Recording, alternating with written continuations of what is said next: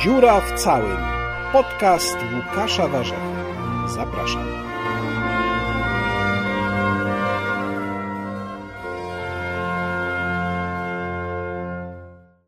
Podcast Dziura w całym. Łukasz Warzecha. Witam Państwa i witam mojego dzisiejszego gościa, którym jest Adam Eberhard, dyrektor Ośrodka Studiów Wschodnich. Dzień dobry, Adamie. Dzień dobry, witaj. Tak się składa, że też mój kolega ze studiów, kolegów ze studiów. Dobrze mieć w różnych ciekawych To miejscach. prawda, świat jest mały. Zacznijmy od y, Ukrainy, bo Ukraina dla nas ważna, a na Ukrainie już 31 marca pierwsza ym, tura wyborów prezydenckich. I to będą pierwsze wybory prezydenckie od tego przełomu, w którym y, Poroszenko zdobył władzę.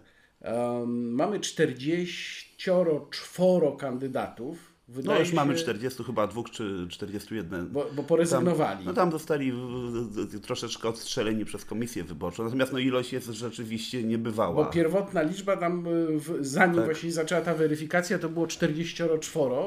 Y, Jak to jest możliwe? O czym to w ogóle świadczy? U nas to jest- sobie to wyobrazić. świadczy- Myśmy mieli to- chyba najwięcej, to nie wiem, kilkana, kilkanaścioro To, kandydatów. to świadczy przede wszystkim o rozwiniętej nauce, jaką jest technologia polityczna na Ukrainie i w ogóle na całym obszarze postsowieckim, gdzie y, oligarchowie, gdzie wielkie ośrodki władzy, pieniędzy, biznesu y, przygotowują się do wyborów, wrzucając gigantyczne pieniądze. Pieniądze oczywiście w swoich kandydatów, ale również w mechanizmy, których intencją jest obrzydzenie wyborcom konkurentów. No i oczywiście od tego są kandydaci tak zwani techniczni, czyli kandydaci, których y, wystawia się w wyborach, aby to oni obrzucali błotem y, faworytów. I tylko o to chodzi z nimi. No nie tylko o to, ale głównie o to. To znaczy, że w momencie, jeżeli by, powiedzmy sobie, no nie wiem, Petro Poroszenko bezpośrednio krytykował Julię Tymoszenko, to niekoniecznie to by było dobre dla y, kogokolwiek z nich. W momencie, gdy robi to pozornie niezależny kandydat, no to wówczas po pierwsze powstaje wrażenie, że to Julia Tymoszenko jest tą najgorszą, bo przecież rzuciło się na nią 30 kandydatów technicznych do prezydentury, y, a jednocześnie jest jeszcze jeden element. Wyobraź sobie na przykład, że w wyborach prezydenckich na Ukrainie teraz kandyduje pan Jurij Tymoszenko. Y, czyli Tymoszenko J, y, jak, jak będzie napisane na karcie do, do, do głosowania, no to jest oczywiście też próba, próba, próba grabieży części wyborców, tych, tych mniej zorientowanych, którzy może nie zobaczą, że Juri to nie jest to samo co Julia Tymoszenko. Może zawsze tam pół procenta, pół procenta się us- uszknie. Trochę mi to przypomina sytuację, kiedy w Polsce swego czasu kandydował na posła Jarosław Kaczyński, z tym, że to nie był ten Jarosław Kaczyński, tylko A taki... no widzisz, no może nie jesteśmy tak daleko od, od, od, od kwestii technologii politycznych. W poprzednich wyborach, o ile się nie mylę, y, gdy na Ukrainie była, y, gdy na Ukrainie była możliwość zagłosowania przeciwko wszystkim kandydatom, którą następnie skasowali, y, kandydował chyba też tam jakiś Wołodymyr Protisich, czyli przeciwko wszystkim. Nazwisko specjalnie zmienił na czas kampanii wyborczej, żeby, żeby, żeby, żeby, żeby zgarnąć głosy y, rozczarowanych establishmentem. No, my się możemy z tego śmiać, no ale to tak mówiąc szczerze, trochę wygląda niepoważnie. No, jak cały czas mówimy, Ukraina się naprawia, dojrzewa, idzie w kierunku zachodu, a jednak no, takie akcenty, to, to o czym my rozmawiamy, No to to jest, jest takie taki lo- to trochę jest jak taki- z Monty Pythona. No to jest taki koloryt y, lokalny, no ale oczywiście wiadomo, że tych y, prawdziwych kandydatów y, jest y, do prezydentury powiedzmy sobie trzech, a tych, którzy mają realne interesy politycznych, może jeszcze dodatkowo pięciu, sześciu. No to, to też jest bardzo ważny element. Y, Jesienią na Ukrainie odbędą się wybory parlamentarne, więc y, udział w wyborach prezydenckich, również dla kandydatów, którzy nie mają szansy na zwycięstwo, ale tam mogą zebrać tych swoich 5-7% głosów, to jest y, sposób na konsolidację elektoratu, na pokazanie się sponsorom, na, na, na, na, na- zajęcie nie najgorszego miejsca y, w przygotowaniach do wyborów y, parlamentarnych. Być może niektórzy słuchacze odnotowali, że jest taki kandydat, który podobno prowadzi w niektórych przynajmniej sondażach, Wołodymyr Zełeński i on nie jest politykiem, tylko jest e, aktorem, Który grał prezydenta. który grał prezydenta w, w czymś w rodzaju, no nie wiem, takiego show, gdzie tam e, trochę mi to przypominało, jak się ten na Netflixie serial nazywał no House of Cards? No nie, nie, nie. nie House no. of Cards, tylko ten, w którym e, trochę z przypadku jeden z, sekre- z członków rządu tam zostaje prezydentem. Tak, tak. Taki swego czasu popularny. E, bo tutaj chodziło o to, że prezydentem ni stąd, ni zowąd zostaje jakiś tam nauczyciel, zdaje się, tak? To tak, jest ten, tak, ten w którym tak, Zełęński grał. No i, to, i wygląda na to, że trochę ten ten e, fabuła, fabuła filmu, ona wyprzedziła, ona wyprzedziła trochę rzeczywistość. No właśnie, ma szansę się przenieść to do, do rzeczywistości, czy nie? Tak, no ona się już przeniosło do rzeczywistości. To znaczy, Zełenski jest y, absolutnym faworytem pierwszej tury wyborów. On, dosta, on według wszelkich sondaży, już wszystkich sondaży, wyraźnie prowadzi mm, i wyprzedza o jakieś 10 punktów procentowych zarówno prezydenta Poroszenkę, jak i było premier Julię Tymoszenko. To jest człowiek, który który nie ma żadnych kompetencji, który za każdym razem, jak próbuje coś powiedzieć na tematy polityczne, to taka głęboka pustka i, i, i, i brak, brak, brak, brak wiedzy się, się obnaża.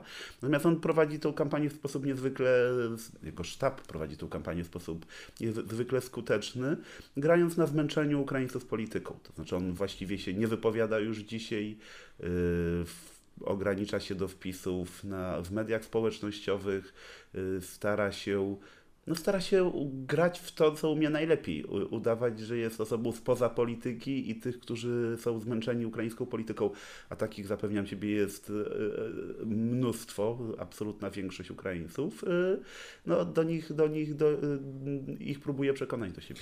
Powiedziałeś, że próbuje udawać, że jest spoza polityki. Czy to znaczy, że tak naprawdę jednak jest politycznym tworem? Bo jest taka teza, że tak naprawdę on jest marionetką Ichora Hołomyjskiego, Hołomyjskiego, który jest właścicielem stacji telewizyjnej, której właśnie ten show był prezentowany. No to teraz już mam wrażenie, jak się włączy telewizję 1 plus 1, która jest, której właścicielem jest Kłomojski, że ten show to już jest 24 na 7, to znaczy to już jest bez przerwy e, realizowane. Znaczy, rzeczywiście, no, Igor Hołomojski, to, bo to właściwie rozmawiajmy o realnych politykach, a nie o no wytworach, a nie o wytworach medialnych. Znaczy Igor Hołomojski jest jednym z najważniejszych ukraińskich yy, oligarchów który pięć lat temu no, zapisał się pozytywnie w historii Ukrainy, to powiedzmy, ponieważ on choć pochodzi z wschodnioukraińskiego Dniepra, Dniepropietrowska wówczas, y, bardzo wyraźnie postawił na kartę ukraińską w czasie rosyjskiej agresji w Donbasie, y, tworzył bataliony ochotnicze, y, wykorzystał swoje wpływy, aby przeciwdziałać osunięciu się obwodu charkowskiego w stronę separatyzmu i stronę y, sił rosyjskich, więc on ma jakby duże zasługi na polu, na polu obrony Ukrainy wschodniej w czasie tej najgorętszej fazie wojny przeciwko Rosji. Natomiast no, oczywiście jest oligarchą z gigantycznymi pieniędzmi, y, liczący, y, gdyby, które, które się wylicza na od kilku do kilkunastu miliardów dolarów, który jest właścicielem, który był właścicielem y, banku Prywat, największego banku na Ukrainie, z którego wytransferował również miliardowe pieniądze, które ostatecznie ten bank został zrenacjonalizowany przez władze Ukrainy. Od tego czasu pozostaje Kołomoński w głębokim konflikcie z prezydentem Poroszenką. No i on nie ukrywa, jednocześnie, jednocześnie, jednocześnie jest y, wpływowy za granicą, jest y, jest y, szefem Związku Żydów Ukrainy, ma oczywiście kilka paszportów, czym epatuje. Jest, jest, jest, jest politykiem, jest oligarchą, jest biznesmenem, który postawił sobie za cel pozbycie się Petra Poroszenko, z którym jest dzisiaj w konflikcie. No i urzędujący prezydent ma tak naprawdę dwóch kandydatów, którzy są jakoś tam y, finansowani przez Kołomońskiego i przez niego kontrolowani. Z jednej strony jest to właśnie komik Zełenski, który mam wrażenie jest wręcz produktem ekipy Kołomowskiego, a z drugiej strony, i to też bardzo wa warto o tym pamiętać, Julia Tymoszenko, która zawsze pozostawała w dobrych y, relacjach z tym oligarchą i która również ma, je, ma przychylność jego mediów i, i, jego grupy biznesowej. A czy to oznacza, że gdyby, gdyby Zełeński wygrał, to tak naprawdę po prostu rządziłby Kołomojski? To jest tak proste? Nie wiem, kto by rządził, bo pewnie wokół, wówczas wokół Zełenskiego pojawiłyby się nowe osoby, które próbowałyby tę białą, czystą kartę jego niekompetencji zapisać jakoś zgodnie ze swoimi interesami, ale to jest takie stare porzekadło, że kto płaci, ten zamawia muzykę. W przypadku, w przypadku Zełenskiego absolutnie płaci Ichor Kołomoński. A jaka jest sytuacja Poroszenki? Co jemu się właściwie udało przez te pięć lat, a co mu się najbardziej nie udało? To znaczy, po pierwsze, udało mu się to, że Ukraina nie przegrała wojny y, z Rosją. Y, to, to, to, ta, ta wojna, konflikt w Donbasie został zamrożony w sposób, który jest akceptowalny dla strony ukraińskiej. Y, Poroszenko nie poszedł na ustępstwa, które doprowadziłyby Ukrainę do takiego stanu niewydolności bo w to było, jakby taka była intencja strony rosyjskiej, żeby konflikt w Donbasie promieniował na całą Ukrainę, aby doprowadził do niewydolności państwa. Y, Poroszenko dość skutecznie grał z Niemcami, z Amerykanami, ze społecznością międzynarodową, uzyskując ich, y, utrzymując ich y, poparcie. Więc to są niezaprzeczalne plusy, plusy prezydenta Poroszenki. W wymiarze wewnątrzpolitycznym był taką jakby był, jest zwolennikiem reform, ale oczywiście w granicach y, określonych po pierwsze interesami biznesowymi swoimi i swojego najbliższego otoczenia. No a po drugie, no oczywiście, no to też jest oligarcha, pamiętajmy to także, jak gdyby y, Petro Poroszenko to jest y, polityk, biznesmen, który ma kilka miliardów y, dolarów i którego majątek przez ostatnie lata bynajmniej nie, nie, nie, nie, nie zmalał, nawet jeżeli tam formalnie część tych przedsiębiorstw oddał w niezależne zarządzanie. Mm, kolejne elementy, które, które stanowią taką podstawę dzisiaj kampanii wyborczej y, Poroszenki, no to są po pierwsze kwestia uzyskania autokefalii, czyli niezależności ukraińskiego prawosławia. Wielkie wydarzenie z punktu widzenia no tam, historycznego. nawet w Polsce było o tym głośno, bo uznawano, no. że to jest jednak dosyć istotne, jeżeli chodzi o wyrwanie Ukrainy z rosyjskiego No to jest z punktu widzenia, w dużym stopniu podważenie ugody Perejesławskiej, to jest, to jest podważanie 350-letnich wpływów rosyjskich na Ukrainie, bo pamiętajmy, że dotąd przez 30 lat niepodległości Ukrainy yy, Kościół prawosławny, cerkiew prawosławna była bezpośrednio podporządkowana patriarchatowi moskiewskiemu i była pewnym narzędziem rosyjskiego soft power, wpływania na wiernych wyborców, pewnej szerzenia rosyjskiego świata, tego ruskiego miru, to, to, to, to, to, jest, to było y, skuteczne narzędzie. Dzisiaj poprzez autokefalię, oczywiście to nie jest tak, że wszystkie cerkwie, które dotąd były podporządkowane patriarchatowi moskiewskiemu, one zniknęły, one nadal funkcjonują, ale, ale, ale w coraz trudniejszych warunkach tracą, tracą, y, tracą y, kościoły na rzecz cerkwi niezależnej, jednocześnie muszą się przemianować w rosyjską cerkiew prawosławną na Ukrainie, a dotąd nazywali się trochę bałamutnie ukraińską cerkwią prawosławną.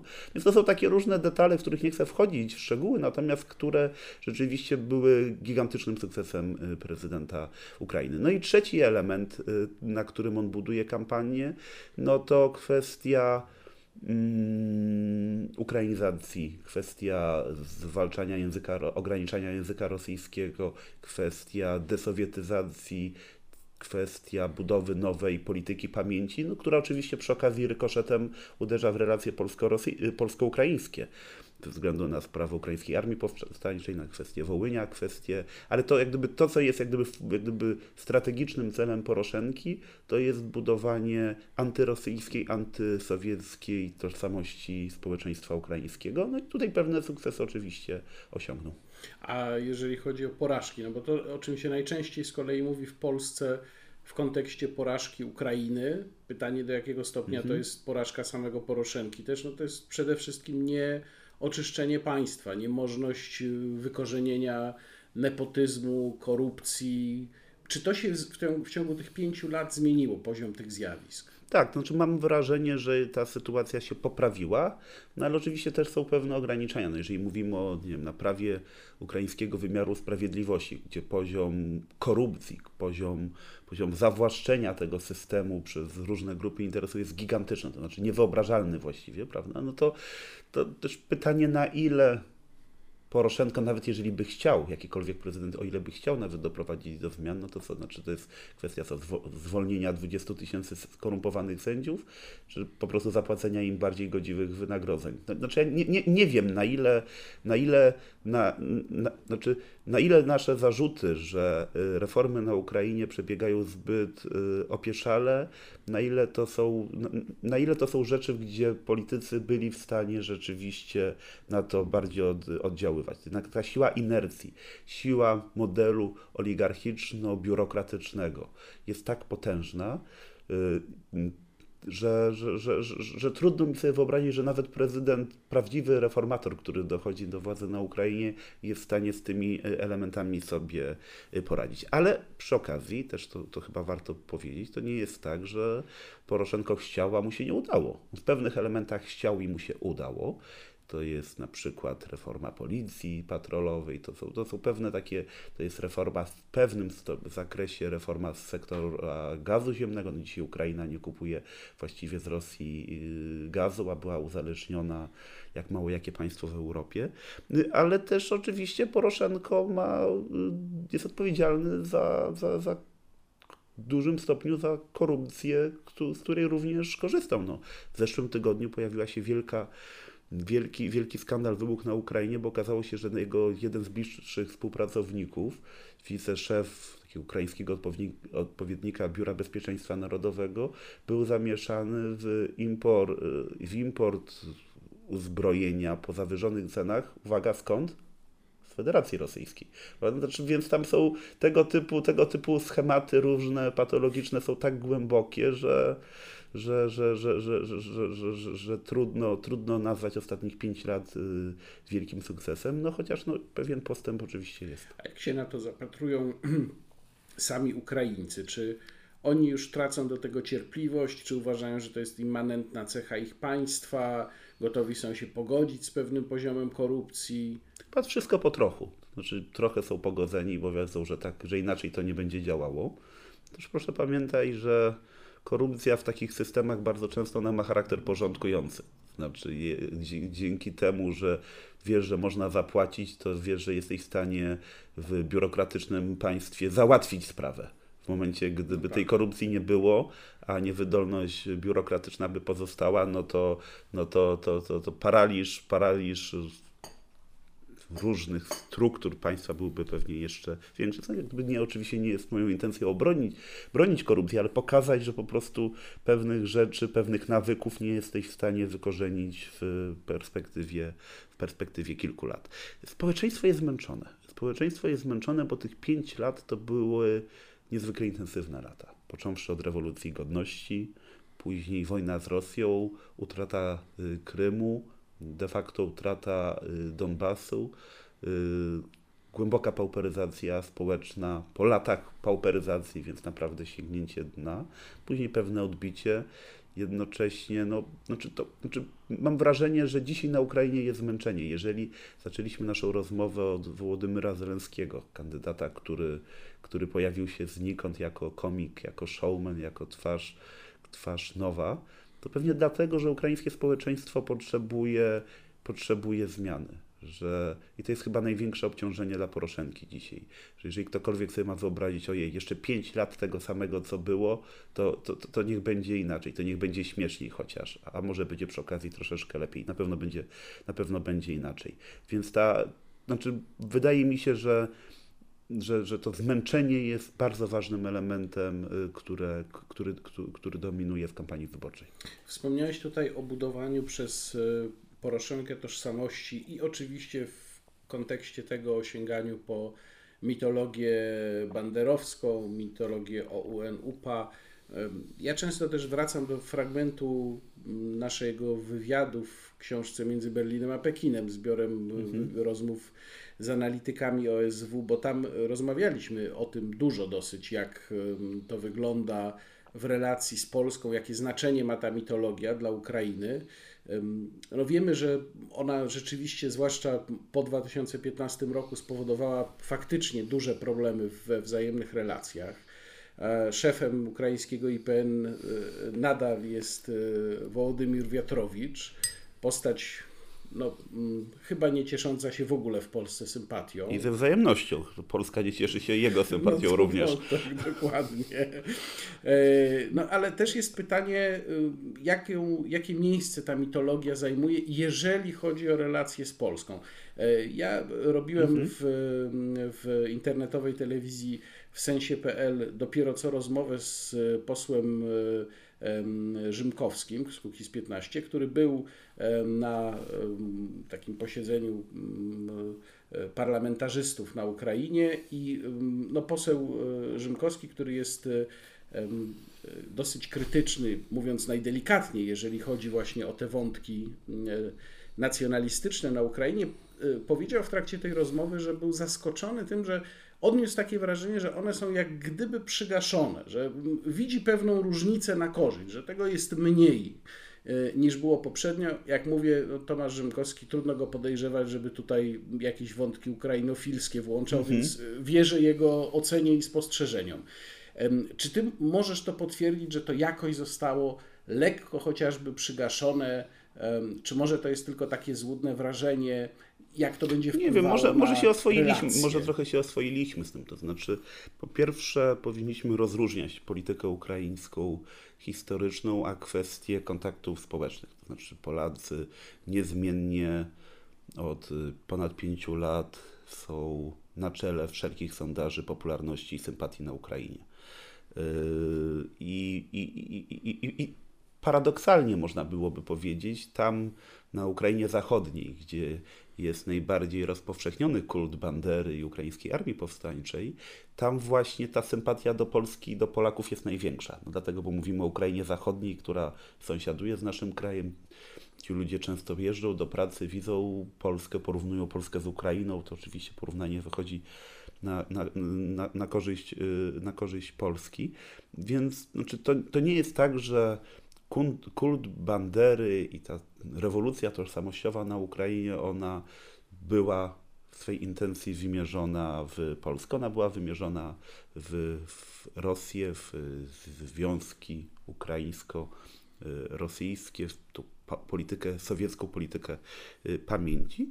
Choć oczywiście, jak wspomniałeś Wiatrowicza, szefa ukraińskiego IPN-u, to mam wrażenie, że on to, on, że on tutaj jego intencje, jego, kilku jego współpracowników rzeczywiście były, były, były nieszczere, to znaczy on rzeczywiście przy okazji ograniczania postsowietyzmu i wpływów rosyjskich y, odreagowywał pewne swoje mm, no nie chcę powiedzieć fobie, ale w każdym razie niepozytywne Y, y, rela, jakby odczucia wobec, wobec Polski. I wiadomo, że tam pewne te elementy antypolskie w polityce ukraińskiego IPN-u, one są, one są oczywiste, ale to, co jest najważniejsze, to znaczy to się nie przełożyło na na, na, na nastroje antypolskie. To znaczy Bandera, to znaczy wielu Ukraińców, z którymi rozmawiałem, oni byli zaskoczeni, dlaczego my, Polacy, antysowieccy, antykomunistyczni w swojej naturze, jednocześnie tak krytycznie podchodzimy do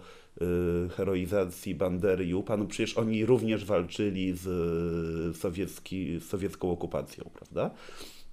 To co mam wrażenie, że idealne byłoby dla znacznej części ukraińskich intelektualistów, jakbyśmy zapomnieli o Wołyniu, o zbrodni wołyńskiej, a, a, a świętowali jedynie wspólną akcję, jakoś tam incydentalną przecież, Ukraińskiej Armii Powstańczej oraz y, oddziałów połakowskich w Chrubieszowie, tam atak na posterunek UB, prawda? Znaczy to jest to, na czym oni by chcieli budować porozumienie. Oczywiście tak się nie da, no bo musimy pamiętać, że bez względu na intencje ukraińskie, nawet jeżeli Ukraina, nawet jeżeli ukraińscy politycy relatywizują i heroizują y, Banderę, no to, to, to, to, wpływa to na postrzeganie Ukrainy w Polsce, prawda? Więc to jest pytanie, jak utrzymać społeczną legitymizację poparcia polityki wspierania Ukrainy w sytuacji, gdy nasze narracje historyczne tak bardzo się rozchodzą.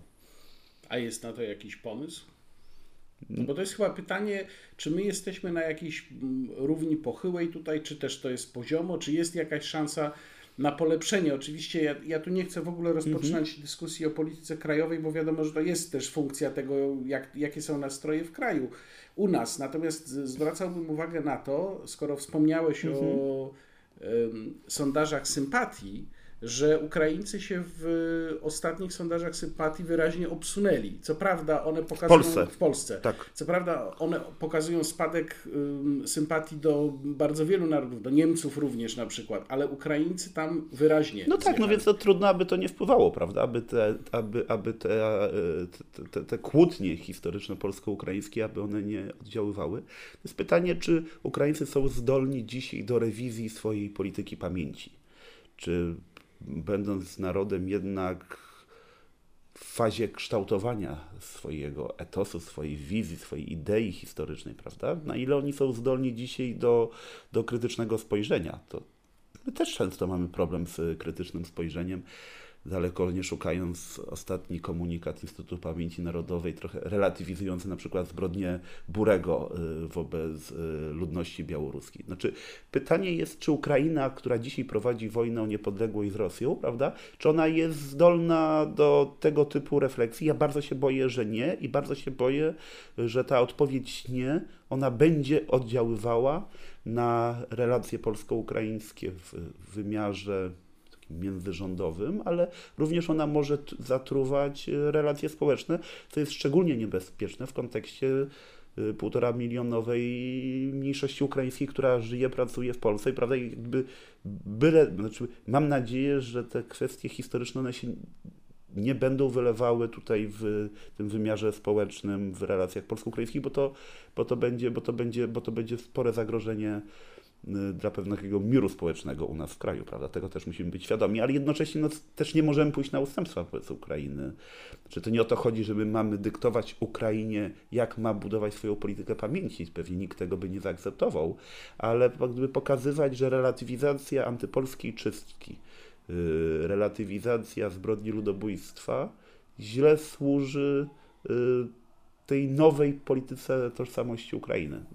Ja trochę wiem, jak gdyby nie odpowiadam na Twoje pytanie, jak to zrobić. Mam wrażenie, że nie ma odpowiedzi na to, jak to zrobić. Znaczy, dostrzegam, dostrzegam zagrożenia, dostrzegam zagrożenie z tego stanu, w którym jesteśmy obecni i niespecjalnie umiem znaleźć wyjścia. Kończąc temat Ukrainy, e, w którym kierunku strategicznie dzisiaj Ukraina patrzy? Wiem, że to pewnie jest też kwestia tego, kto będzie prezydentem, ale gdybyśmy dzisiaj mieli odpowiedzieć, czy patrzy na Zachód, ale poprzez Polskę, czy patrzy na Zachód ponad Polską, czy może w ogóle nie patrzy na Zachód, tylko patrzy w innym kierunku.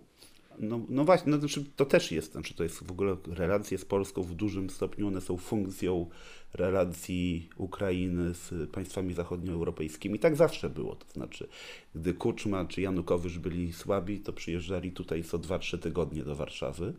Gdy władze ukraińskie były względnie silne i miały otwarte drzwi do Berlina, Brukseli, Waszyngtonu, czy to po pomarańczowej rewolucji, czy przez ostatnich pięć lat, no to latali nad głowami Warszawy. No, to też jest, to jest pewnie krótkowzroczne w tym sensie, że wcześniej czy później Ukraina Warszawy, pewnego naszego lobbingu, naszego wsparcia ona będzie potrzebowała, prawda? Więc jest trochę nieroztropnym e, e, lekceważenie e, kontaktu z Warszawą, ale, ale, ale, ale, taka, ale taka jest dzisiaj sytuacja, że Poroszenko patrzy na Berlin i nawet mam wrażenie czasami, że uważa, że jakieś tam napięcia w relacjach z Warszawą jego pozycję w Berlinie wzmocnią, a nie osłabią, że może nawet będzie po, poklepany po plecach i, i, i usłyszy, że, że, że, że całkiem, całkiem dobrze. No zobaczymy, no jesteśmy też przed wyborami prezydenckimi na Ukrainie, prawda? Zobaczymy, jeżeli Poroszenko przegra, jeżeli zostanie prezydentem czy Zełenski, czy Julia Tymoszenko, no to pytanie jest o jakąś korektę być może również o korektę w wymiarze polityki y, pamięci, polityki y, historycznej. Pamiętajmy, że taka Tymoszenko, ona w mniejszym stopniu polega na elektoracie, jest zależna od elektoratu zachodnioukraińskiego, Wiatrowy czy Ukraiński Instytut Pamięci Narodowej to są ludzie Poroszenki, prawda? Ja nie chcę powiedzieć, że tutaj dojdzie do radykalnej zmiany, prawda? Ale jednak, ale jednak pewne, zmiana w pewnych akcentach jest możliwa, no, szczególnie jak wygra Zelenski, no człowiek jednak rosyjskojęzyczny, człowiek pochodzący z Kriwego Rogu, człowiek, dla którego te sprawy ukraińskiej tożsamości, one są na bardzo, bardzo dalekim y, planie. To teraz przenieśmy się dalej na wschód, czyli do Rosji. Mm, czytam w ostatnim czasie, że spada poparcie dla prezydenta Władimira Putina. Sprawdzam, do jakiego poziomu spadło, no bo myślę, że w kategoriach europejskich spadło. Patrzę, 65%. Tak. E, czy to jest rzeczywiście groźne? Znaczy, po, po pierwsze, od razu taki nawias, który zawsze warto otwierać, jak rozmawiamy o mm, sondażach poparcia popularności kogokolwiek, czegokolwiek w Rosji, że tamtejsza socjologia jest jednak ostro zmutowana przez system polityczny, w którym funkcjonuje. To znaczy, mm, znaczy ludzie się po pierwsze, po pierwsze właściwie mamy ograniczoną tą niezależną socjologię. Mm, po drugie, ludzie boją się, nie lubią odpowiadać szczerze na to, co myślą, o tym, co myślą, o, o, szczególnie wypowiadać się na temat polityki Putina, więc tutaj pewien poziom zafałszowania jest bardzo Raczej bardzo na korzyść wyraźny. Putina, jak rozumiem. No tak. Y, więc, no, ale to, co można robić, to można rzeczywiście porównywać trendy. To znaczy, w, jak gdyby uznając, że wyniki są zafałszowane intencjonalnie i nieintencjonalnie, poprzez zmianę wyników sondaży jesteśmy w stanie określić, jesteśmy w stanie określić mniej więcej trend. Czy trend jest rosnący, wyraźnie po aneksji Krymu był rosnący, yy, czy jest y, opadający, spadający dzisiaj, rzecz jasna, poparcie dla Putina jest wyraźnie mniejsze niż było 5 lat temu i tego możemy być y, pewni. Tylko widzisz, tutaj jest jeszcze jedna ważna rzecz. Y, bezalternatywność systemu. No bo co oznacza popieram prezydenta Putina? W momencie taka deklaracja, ona, je, ona, mało znaczy w sytuacji, gdy wyborca, wyborca w cudzysłowie chyba należałoby powiedzieć, nie ma na kogo innego zagłosować. Gdzie system jest domknięty, gdzie jedyni kandydaci, którzy ka kandydują w wyborach, to są pozorni partnerzy Putina. Prawda? Zaczęliśmy rozmowę od 40 kilku kandydatów ukraińskich, których większość jest kandydatami technicznymi. No w Rosji mamy tą odwrotność. No mamy tych kandydatów zazwyczaj tam czterech, sześciu, a, a i, i, model jest tak sformułowany, stworzony, że Putin wygląda na najbardziej liberalnego, europejskiego i normalnego polityka na tle tych wszystkich innych sparring partnerów, których, których mu przydzielono. Więc to, to trochę jesteśmy w pułapce rozmawiając na temat y, sondaży popularności. Na pewno paliwo krymskie, na pewno tę popularność Putina, która y, była na szczycie 5 lat temu, dzisiaj się wypaliła głównie z powodów społecznych, z powodów sytuacji społeczno-ekonomicznej. A jaka jest ta sytuacja? Co tutaj się To zależy u kogo. To znaczy, no Putina sytuacja społeczno-ekonomiczna, rozumiem, jest Niezmiennie wyśmienita. A które grupy społeczne niepowiązane z władzą albo powiązane luźno najbardziej oberwały w ostatnim czasie? A wiesz, to jest dobre pytanie, bo to pokazuje, znaczy, bo, bo w Rosji masz dwie grupy społeczne. Znaczy jedna grupa to jest ta, nazwijmy to, klasa średnia, która od lat jest zmęczona Putinem, chociaż pewnie najwięcej na Putinie zarobiła, bo pewnie, że ona była beneficjentem tego wyjścia z czasów smuty jelcynowskiej, ona, ona zarobiła na surowcach energetycznych, ona, ale ona dzisiaj jest zmęczona stagnacją, by chciała zmiany. Ona by chciała państwa, w którym policjant czy urzędnik nie zniszczy ci biznesu, w którym, w którym władza nie wkłada nosa w twoje, w twoje sprawy, prawda? I to jest ta klasa średnia i ona, ona jest krytyczna wobec Putina od dawna. I właściwie ja bym powiedział, że Putin i, i, i Kreml niespecjalnie się przejmują tą grupą, bo to jest wyspowe, to są, to są środowiska wyspowe, ograniczone, które które też czasami popadają w letarg, czasami są w stanie kilkanaście tysięcy osób wyprowadzić na ulicę Moskwy no i, i Petersburga. Właśnie Moskwa, no, Petersburg. Duże ośrodki, dokładnie. Ale jest druga grupa, która jest, zawsze była fundamentem, jakby, która była, stanowiła najważniejszy element poparcia dla, poparcia dla Putina, to byli, to, to są emeryci, to są struktury siłowe, jak to się pięknie w Rosji nazywa, to, są, to jest budżetówka, to są pracownicy wielkich zakładów przemysłowych. To jest ta baza, która, która zawsze popiera, która, na którą dobrze działała aneksja Krymu, na którą dobrze działała retoryka wielkomocarstwowa Putina, na której to trochę taki poszukiwanie, poszukiwanie autorytetu. I, i, i jeżeli coś władze na Kremlu jest w stanie przestraszyć, to utrata poparcia w tej grupie. W tej grupie, która dostała najbardziej w kość y, w ciągu ostatnich lat kryzysu, ponieważ takie łączne szacuje się, że przez ostatnie 4-5 lat dochody realne ludności zmalały do 20%. To jest dużo. To jest dużo, szczególnie, szczególnie po latach jednak ciągle rosnącego yy, poziomu życia. No i ci ludzie, i, i ci ludzie, to jest większość, ona nadal popiera Putina, tylko mam wrażenie, że zmniejszyła się intensywność tego poparcia. To, to, to, poparcie jest coraz bardziej pasywne, ono jest coraz mniej entuzjastyczne oraz coraz większy, ono w coraz większym stopniu wynika z mm, bezalternatywności właśnie, niż z takich pozytywnych emocji, które by napędzały tych ludzi.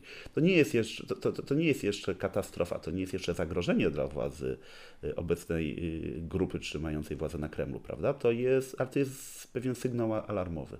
20 lutego Putin wygłosił y, wystąpienie do narodu i to wystąpienie było komentowane między innymi przez analityków OSW w ten sposób, że widać było, że tam większy nacisk niż zwykle położono na kwestie właśnie społeczne, gospodarcze, a mniejszy, relatywnie oczywiście mniejszy, mhm. bo nadal była o tym mowa, na kwestie tożsamościowe, militarne, imperialne. imperialne. Czy to właśnie świadczy o tym, że to zagrożenie, o którym mówisz, się staje realne na tyle, że trzeba tutaj coś zacząć szybko łatać i ratować?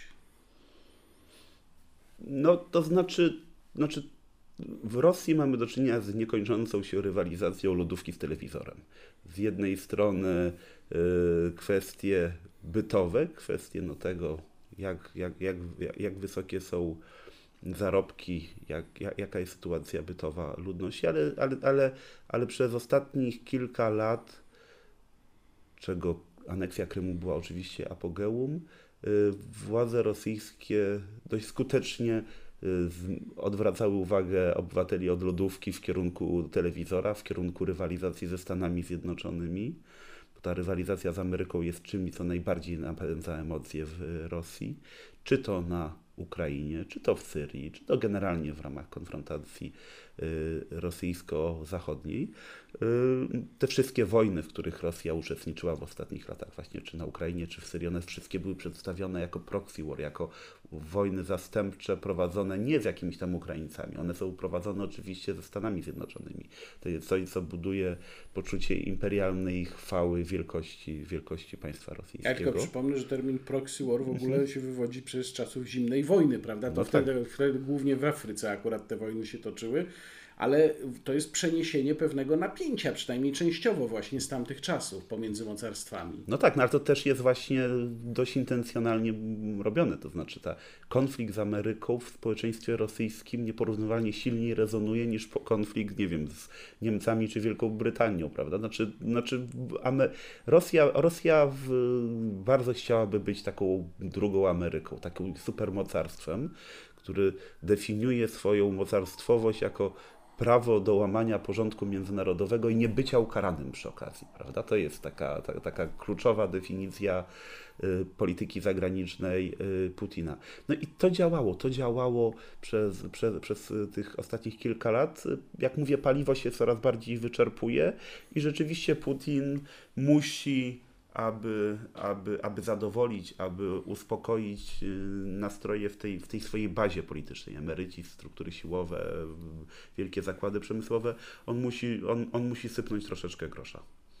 E, czy te mm, wojny, zwłaszcza myślę tu o Bliskim Wschodzie, sytuacja właśnie w Syrii, ale też y, zacieśnianie stosunków z Turcją, e, czy to odgrywa ważną strategiczną rolę dla Rosji, ale też czy umożliwia jednak wciąż zjednywanie poparcia? Do jakiego stopnia na przykład wojna w Syrii jest atrakcyjna jako taki um, zaganiacz poparcia um, dla rządzącego reżimu, chyba tak mogę to nazwać?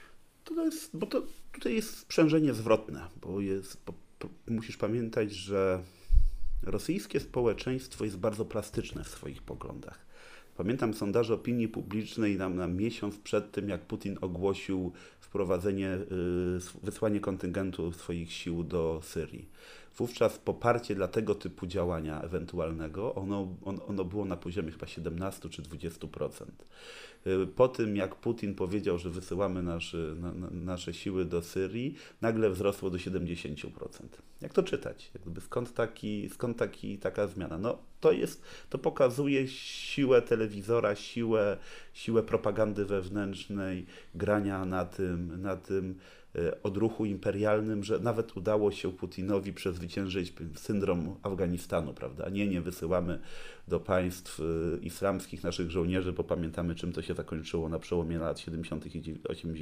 i 80. E, to, to zadziałało, no i tylko, tylko jest problem taki, że to działa krótko że po pewnym czasie już to y, przestaje, przestaje, przestaje y, rezonować i, i dzisiaj pewnie jakbyś zapytał przeciętnego Rosjanina, czy dobrze, że wojska rosyjskie są w Syrii, on powiedział, no tak, no dobrze, bo to tam ucieramy nosa Amerykanom, to, to, to właściwe, ale, ale wreszcie Putin zacząłby się zajmować kwestiami społecznymi, kwestiami tego, dlaczego nam trzeba podnosić wiek emerytalny, dlaczego nie ma pieniędzy, dlaczego są dziury w drogach. Znaczy, to, to, to działa, to jest, to jest jak gdyby wysyłanie wojsk, polityka mocarstwowa, prężenie mózgów, to, to, to działa, ale to staje się pułapką, ponieważ to jest taki głód narkomana chyba trochę, można by powiedzieć, prawda?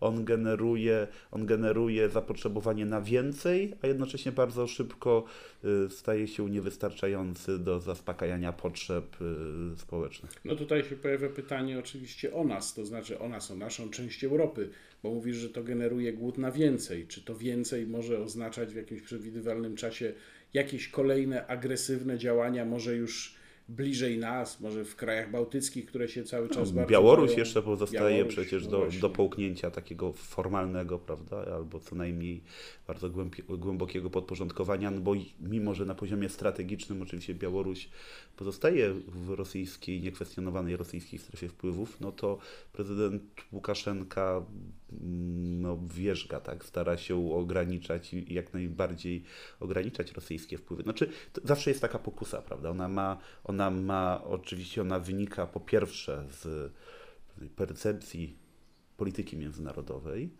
Elita putinowska jest świadoma, że Rosja słabnie, jest świadoma, że, świadoma, że znaczenie Rosji w polityce międzynarodowej y, dzisiaj jest silniejsze niż będzie za lat 5 zapewne czy 10, a jednocześnie ma poczucie, że jest pewne okno możliwości, że Zachód jest również w kryzysie, że, że, że, że jest Trump, który, który niekoniecznie będzie bronił zachodniego porządku, że, że można to wykorzystać, prawda? Więc to jest pokusa, która, która, która, która może prowokować Rosję do działań do działań, do działań radykalnych. No i oczywiście gdzieś tam z boku, czy nawet nie z boku, z ich perspektywy, jest ten czynnik, ten czynnik y, społeczny y, y, paliwa na, na użytek wewnątrzpolityczny, który tutaj to są dwie rzeczy, które się wzajemnie mogą napędzać. Ostatnia kwestia. Mówiłeś o tym, że system jest bezalternatywny, że jest domknięty, więc nawet nie pytam o to, czy jest szansa na to, że on się odemknie albo coś takiego, bo uważam, że że tego typu pytania w ogóle są wyrazem pewnej naiwności, ale przewija się jednak, czy pojawia się, nasuwa się inne pytanie. Czy będzie moment, być może już wkrótce, w którym um, ci, którzy korzystają na Putinie, stoją za Putinem, uznają, że trzeba Putina wymienić. Może po prostu dlatego, że się zużył jako mhm. twarz. Wiesz, ja generalnie staram się, jak gdyby nauczyłem się mieć pokorę wobec procesów społecznych i ich dużej nieprzewidywalności te emocje społeczne, gdyby dało, dało się tak łatwo opisać, przewidzieć, to, to, to, to, to, to każda dyktatura trwałaby do końca, do końca swojej, do końca świata, prawda? No bo znaczy Rosja, Rosja uczy nas, w ogóle to jest chyba taka charakterystyka Rosji, że przez to, że mamy tam zazwyczaj reżim autokratyczny, który nie daje ujść parze znużenia, zmęczenia, frustracji społecznych, to powoduje, że te, że te emocje, złe emocje, one się w Rosji magazynują. I one raz na jakiś czas, czy to jest rok 1917, czy to jest rok 1991, prawda, one, one dają swoje ujście. Więc ja, ja nie wiem, jak będzie wyglądała, nie wiem, w, jak, w, w jakim stopniu Rosja dzisiaj jest w wymiarze społecznym, gdyby, reżim putinowski jest bezpieczny, prawda? Bo być może może być może być jakiś, może być jakiś naprawdę drobiazg, który wywoła potężną falę buntu. Przy, przy, przypomnę tylko wielotysięczne protesty po tym, jak to Putin wrócił na, na, na urząd prezydenta po Miedwiediewie, prawda? Jak to, jak to wykaza, jak gdyby takie społeczne poczucie, że nas oszukali, zagrali sobie z nami w ten, to znaczy one, one, one wywołały, one wywołały e, du, duże emocje. Aczkolwiek skończyło się na niczym. Tak. Dlaczego, znaczy ważnym elementem, który z, jak gdyby zwiększa prawdopodobieństwo utrzymania się tego modelu jest ciągle jeszcze to, że są pokolenia pamiętające lata 90.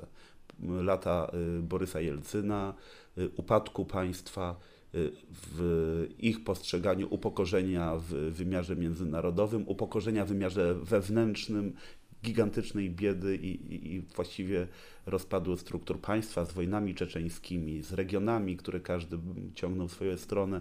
Znaczy, ta pamięć lat 90. jest niezwykle istotnym elementem, który który, Putino, który, który reżim putinowski konserwuje. A teraz drugi element Twojego pytania dotyczący elity, która mogłaby chcieć zamienić Putina. Chyba nie. Chyba nie, dlatego że Putin odgrywa bardzo ważną rolę również wewnątrz elity. On jest pewnym najwyższym rozjemcą. On jest pewnym gwarantem sta stabilności grup polityczno-biznesowych, które na tym Kremlu się, się ze sobą ścierają. I on jest chyba najważniejszym źródłem legitymizacji również dla tych grup. To znaczy, charyzma Putina, która przez lata, ona, ona przez lata była głównym, głów, główną legitymizacją y, tej klasy trzymającej władzę, tej grupy trzymającej władzę na, na Kremlu. I bez Putina Pozostaje tylko grupa, grupa, gru, grupa biznesmenów, siłowików, prawda, którzy, którzy, którzy okradają Rosję i którzy walczą o, o, o wpływy. Putin jest ważnym elementem legitymizującym i, i, i to chyba się będzie jeszcze, bez względu na wszelkie sinusoidalne zmiany w jego w wysokości jego poparcia społecznego, to będzie się, to będzie się y, utrzymywać. Żaden Sieczyn, żaden, żaden inny y, oligarcho, biznesmeno-polityk na Kremlu nie, nie jest na tym etapie w stanie stać się y, nowym Putinem. A Putin ma jeszcze formalnie przed sobą możliwość rządzenia jak długo? No formalnie to jest, to, formalnie to jest do roku 24, ale od tego są, od tego są prawnicy, żeby można, konstytucjonaliści, żeby to można robić nieskończoność. To znaczy, on rzeczywiście kończy już, bo tam w Rosji, znaczy w Polsce można być dwie kadencje prezydentem, wyłącznie i tyle. W Rosji można być dwie kadencje pod rząd, on kończy już, on kończy już tą drugą turę, y, drugą kadencję w drugiej turze, no ale no wiesz, no po, po pierwsze można, wy, jak gdyby rozmawialiśmy o kwestiach podporządkowania Białorusi, można wymyślić jakieś stanowisko rosyjsko-białoruskim państwie, można, można, można, można iść w kierunku modelu chińskiego, Zadenga na przykład, prawda, że on był tam, nie wiem, szefem y, komisji wojskowej, prawda, znaczy, znaczy nie, nie wiem, jak to zostanie rozwiązane, ale mam wrażenie, że nawet po zakończeniu kadencji prezydenckiej y, Putin wypracuje pewne mechanizmy, które nie tylko dadzą mu bezpieczeństwo osobiście, ale które utrzymają stabilność korzystną dla niego i dla jego najbliższego otoczenia, y, stabilność układów oligarchicznych i kontroli tych układów oligarchicznych nad y, rosyjskim społeczeństwem. Bardzo dziękuję. Moim gościem był Adam Eberhardt, dyrektor Ośrodka Studiów Wschodnich. Dziękuję za zaproszenie. A to był podcast Dziura w całym. Łukasz Warzecha. Do usłyszenia.